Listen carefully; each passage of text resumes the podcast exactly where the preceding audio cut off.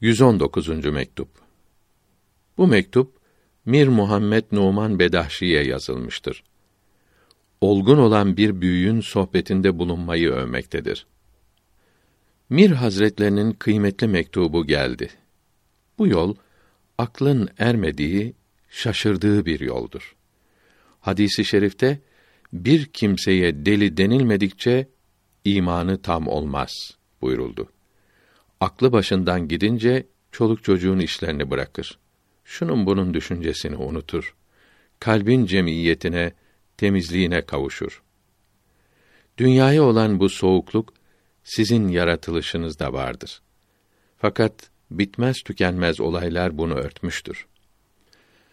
Ne yapalım? Bu ayrılıkta çok ilgisizlik hasıl olduğu anlaşılıyor. Bunu hemen düzeltmelidir. Bu güçsüzlüğü güç olarak düşününüz. Kendinizi bu ayrılıktan kurtarınız. Allah adamlarının toparlanması başkalarının toparlanmaları gibi değildir. Başkalarının toparlanmasına yarayan şeyler bunların dağılmasına sebep olur. Başkalarının dağılmasına sebep olan şeyleri yaparak kendinizi toparlayınız. Eğer başkalarının topluluğunda bunlarda cemiyet hasıl olursa bu cemiyetten korkmalıdır. Bunun zararından kurtulmak için Allahü Teala'ya yalvarmalıdır. Kendini başkalarının halleriyle ölçmemelidir. Çünkü sona varmadan önce olan mertebelerin hepsi çeşitli derecelerde birer noksanlıktırlar. Farisi Mısra tercümesi Dostun ayrılığı az olsa da az değildir.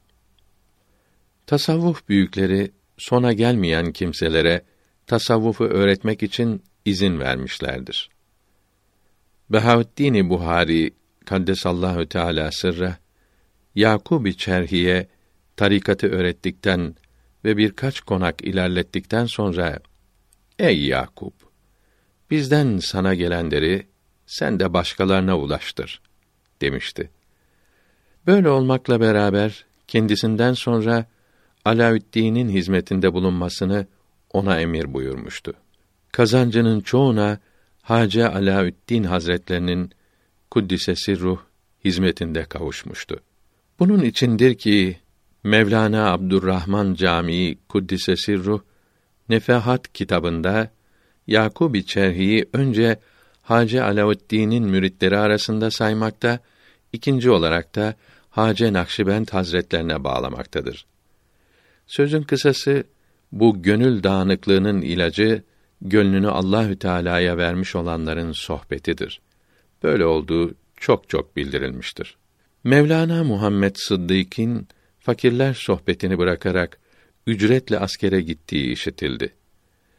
Yazıklar olsun. Binlerle yazıklar olsun.